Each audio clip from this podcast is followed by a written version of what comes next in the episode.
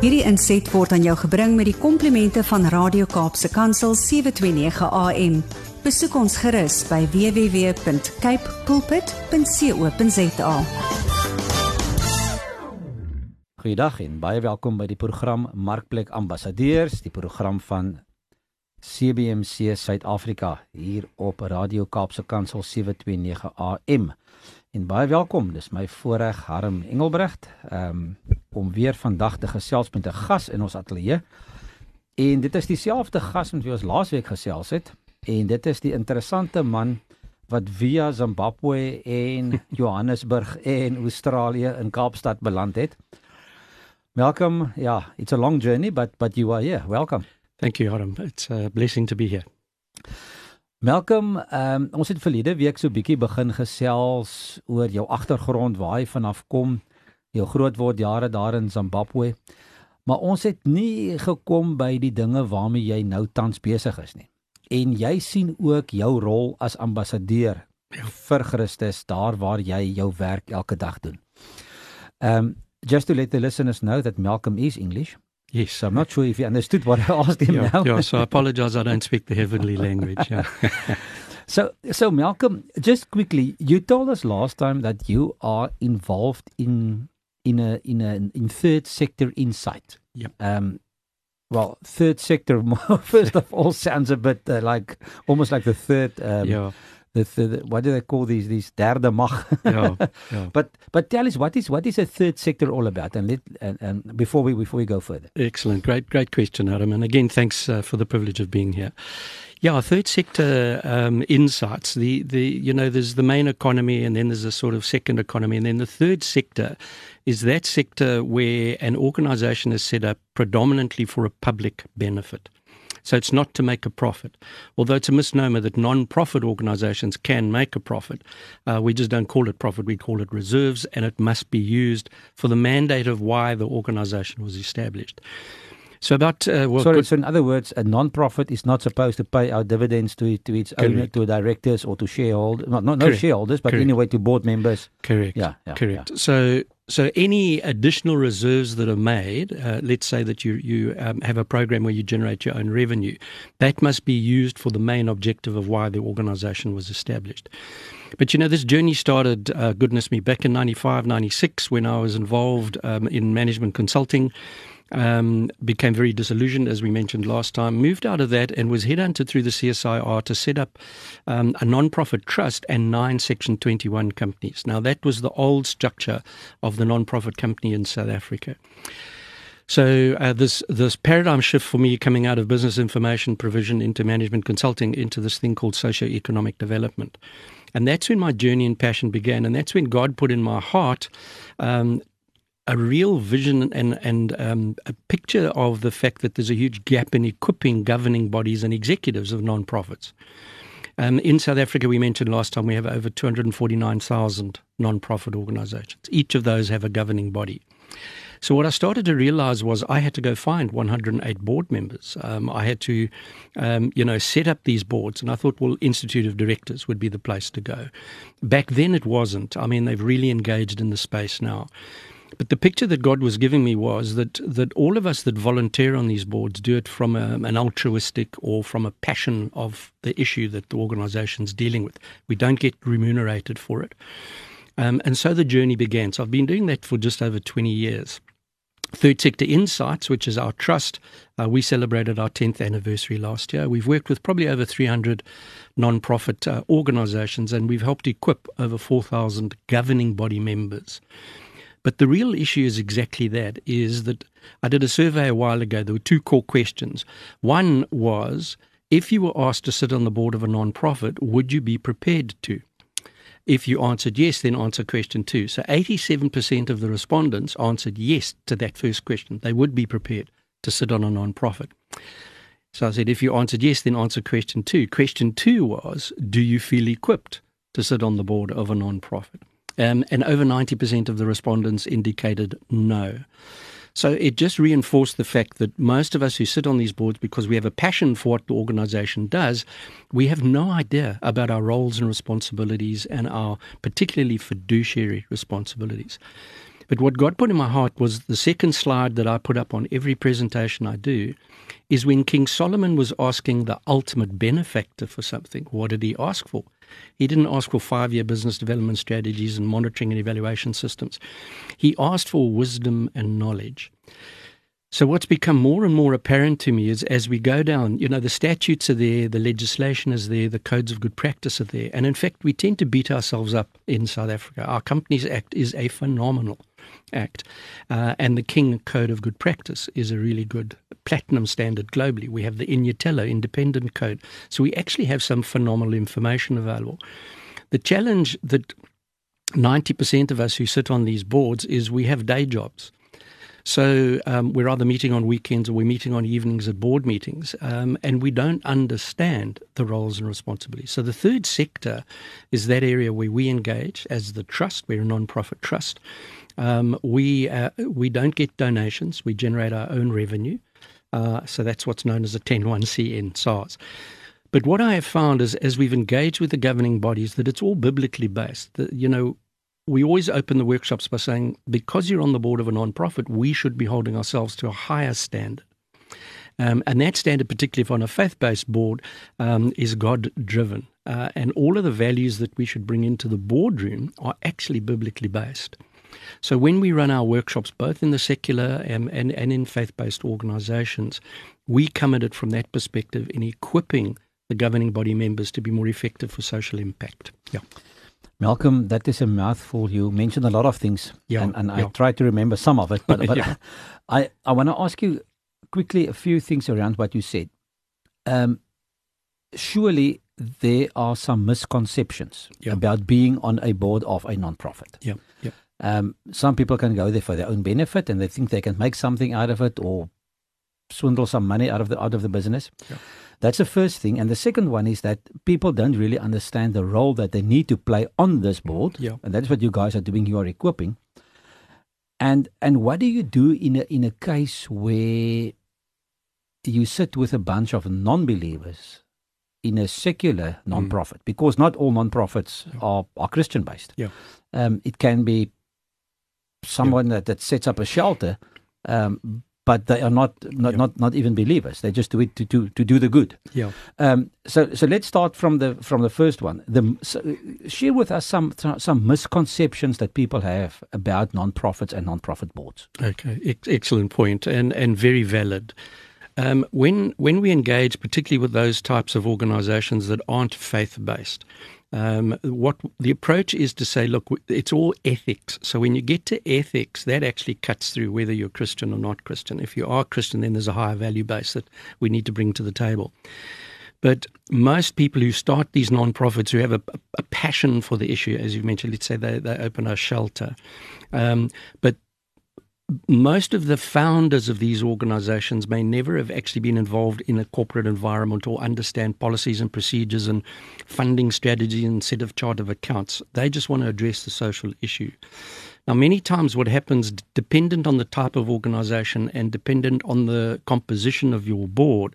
So, one of the critical things is getting your succession planning right, making sure that you have a skills matrix. So, when you're looking for new board members, you know exactly what type of skills you're looking for. But I have had the privilege of, of chairing some organizations on the one side and, and a bigger privilege to hand them over at the end of my tenure where they're not Christian based. So you have individual board members who come to a board meeting with personal agendas. They're not addressing the issues that are on the table for the best interest of the organization they represent. So it tends to happen unless you have a very strong chairperson who knows how to deal with those scenarios. Those board meetings can devolve into really, literally, I've, I've had one where I had to stop a couple of the board members climbing over the boardroom table to actually, um, you know, give, give each other a course correction. Not a pleasant environment, but it's because they don't have the value base that, that we would have from a Christian perspective. So it's to put in place the fact that we have policies, procedures, we have conflict of interest um, policies and ways to deal with it, because that's going to happen in that type of environment. Not that it doesn't happen in a Christian organization, but it's just the way that we address it. We come at it from a different perspective. So come back in, come back directly to your question. When you look at getting people onto your board, it mustn't just be that they've got a passion for what you do. They should be able to add value at a governance level because it's a very different thing. It's not about getting involved in the operations.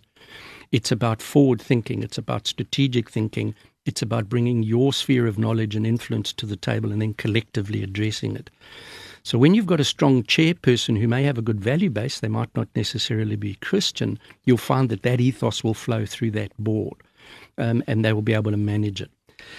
So it's a tough one. And I can sit, you know, having been in the space for a few years now, um, if I sit in on a board meeting, I can see very quickly what the value base and what the corporate culture is within that organization and the decision making that takes place. So you need to have things in place to protect the organization and the individuals called approval frameworks, um, delegations of authority, all those kinds of things. Yeah.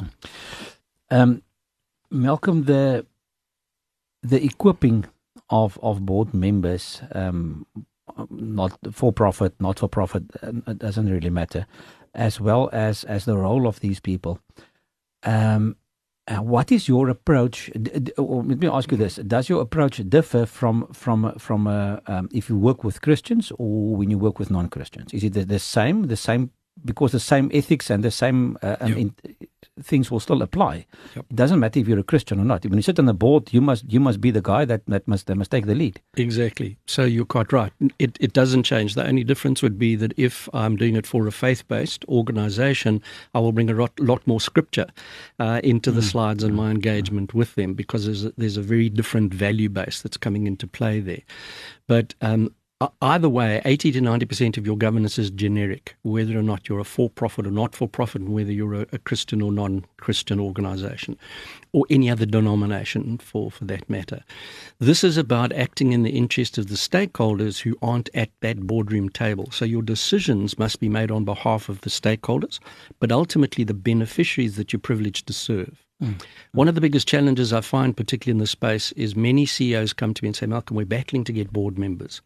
And even when we get them, they don't come to meetings. Uh, and the, then, even when they come to meetings, they don't come prepared. Now, many times that's because you might not have had a, um, what, what's called onboarding or a board orientation workshop. You need to equip your board members. One of the biggest problems I find in this space, not unique to the nonprofit, is that because we think someone's accepted a position onto our board, they know what they're doing. My experience in 20 years is 80 to 90% of us including myself, may never have sat on a board before. So we have a we have a what we think is our role and responsibility in our minds, unless you clarify that up, front, which is part of the reduction of risk profile for the organisation and for the individual board member, you're going to find a challenge in decision making going forward. I've sat in on many board meetings where the board finishes up and say, "Wasn't that a fantastic board meeting? We gave our CEO another 150 things to do." And I'm saying, well, no, one of two things is going to happen. What of the things that your your CEO is meant to do, mustn't they do? No, no, they must, he must do all of these or she must do all these other 150. And I'm saying, but they've only got enough capacity and resource and funding to do a, B, C, D. You now want them to do all of this. So the other side of that is either you bring them additional funds or you bring them additional resource. So the board's role, yes, is to have oversight and hold your CEO accountable, but it's also to hold ourselves accountable and make sure that we've fully equipped the person who's tasked with running this organization with the resources they need to run it. Now, that's a misconception by many board members. Um, they think their role is to hold the, the CEO's feet to the candle when they're not doing what they're supposed to be doing. I'm saying that's part of it. But how can you ask your CEO at a board meeting if they've achieved what they said they would do when we met three months ago if you haven't made sure they're fully equipped, fully resourced, fully funded? Now that's that's an ongoing conversation. So whether that's in a for-profit or not for profit, it's exactly the same. The difference is that if you sit on a public listed company, for example, you're getting remunerated to sit on that board. So you're mitigating some of your risk uh, by being on that board, but you're bringing value. In a non-profit, you've got exactly the same fiduciary responsibility and liability, particularly if you're on a non-profit company's board, and we have four different types of NPOs in South Africa, as to if you were sitting on a public listed uh, board. Yeah. Malcolm, it sounds to me like um, when you start working with boards and you explain to them what their role is, that some of them may back out and say, listen, it's not for me. Yeah. I rather don't do this yeah. because it is a responsibility yeah. um, and it's also a commitment. it makes me think of the the passage in, in scripture where Jesus called his disciples. And and they followed him, but at, at some stage he, he, spoke to the masses and some of them just walked away. Yep. They said it's it's too much. We we can't do this. What do you do in such a case? Um, are, are you trying to beg this guy to stay or equipping him or do you just start looking for new ones? A, a great point. Um, well, that's where I come back to your succession planning and your skills matrix. Um, and if if you haven't equipped your board member, you can't have an expectation they're going to discharge their duties on your board. So, it's it's a bit of a catch twenty two in that space. The challenge in the sector is that most funders and donors don't fund board development. They will tell you the money must go directly to the project, but they expect that you've got a board, that you've got a fully functioning board, that your board knows what they're doing, but they won't put any funding into that. There is a shift globally uh, towards that.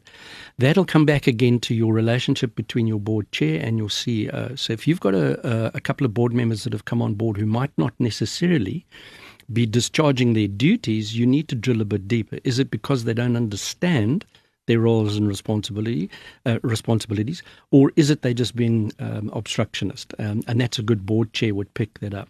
Now, board evaluations uh, need to be done, and and many people saying, but it's a non-profit, and we're doing it for good. And I said, no, I understand that, but you're releasing funds to this organisation, and this board has oversight of those funds through to the organisation, through to the operations, and ultimately to the beneficiaries. We should be doing board evaluations to see whether or not the board members have actually performed. I'll share with you, uh, um, you know, as you know, I'm on the board of World Vision. We have two internal board evaluations per annum, and, and we have one external.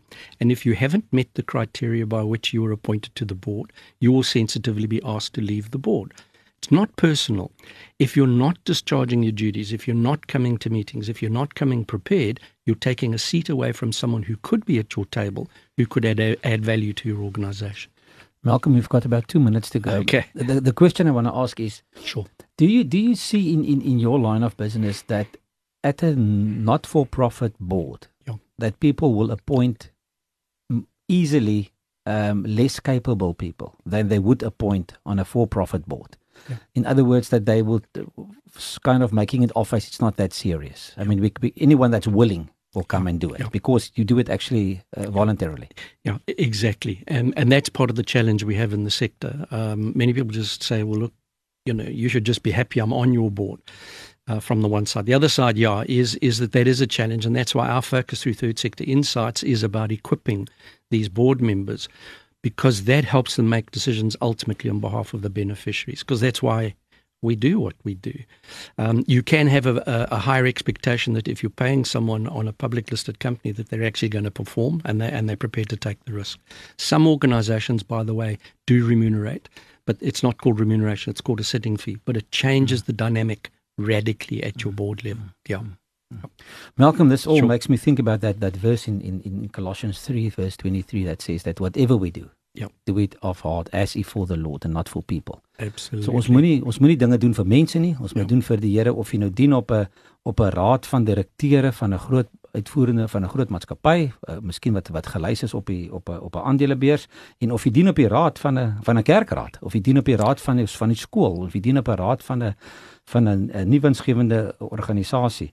Ehm um, die die feit bly jy is geroep tot daai rol jy het 'n verantwoordelikheid om ook daar as Christus se ambassadeur op te tree en tot die beste van jou vermoë um, in excellence, jo. Ja. in uitmuntendheid, nog ja. steeds jou werk te doen en dit goed te doen. Absoluut. Um, want dit is nie te sê as jy dit nie vir geld doen dat jy dit moet afskeep nie. Ja. En ek dink dit is wat Malcolm vandag vir ons sê, is dat hulle rus die ouens toe om dit reg te doen, om dit perfek te doen, na die beste van hulle ver, vermoë te doen en in verantwoordelikheid op te tree tot die voordeel van die persone wat gedien word deur die uh, organisasie op wie se raad jy dien. Malcolm, dit was lekker om jou in die ateljee te hê. Dit is 'n voorreg om met jou te gesels en bietjie uit van jou kennis te gebruik. Is uh, regtig lekker om met iemand te gesels wat wat weet waarvan hy praat. So wat 'n voorreg en en baie dankie vir vir jou tyd en ehm um, As mense wil kontak maak miskien uh, met Malcolm Boyd en die Third Sector Insights, ehm um, kontak ons gerus by CBMC en ons sal dit aanstuur na hom toe stuur vir ons 'n e-pos na admin uh, by cbmc.co.za En gaan loer gerus ook op ons webwerf www.co.za waarmee ons besig is. Malcolm, do you have a, a website you, you want to share with the, with the listeners? Yes, please. Thanks, Haram. It's uh, it's www.thirdsector t h i r d s e c t o r.co.za. Thirdsector.co.za. En daar het julle dit. Ons groet julle tot volgende week. Totsiens. Dankie, Haram. Hierdie inset was aan jou gebring met die komplimente van Radio Kaapse Kansel 729 AM. Besoek ons gerus by www.cape pulpit.co.za.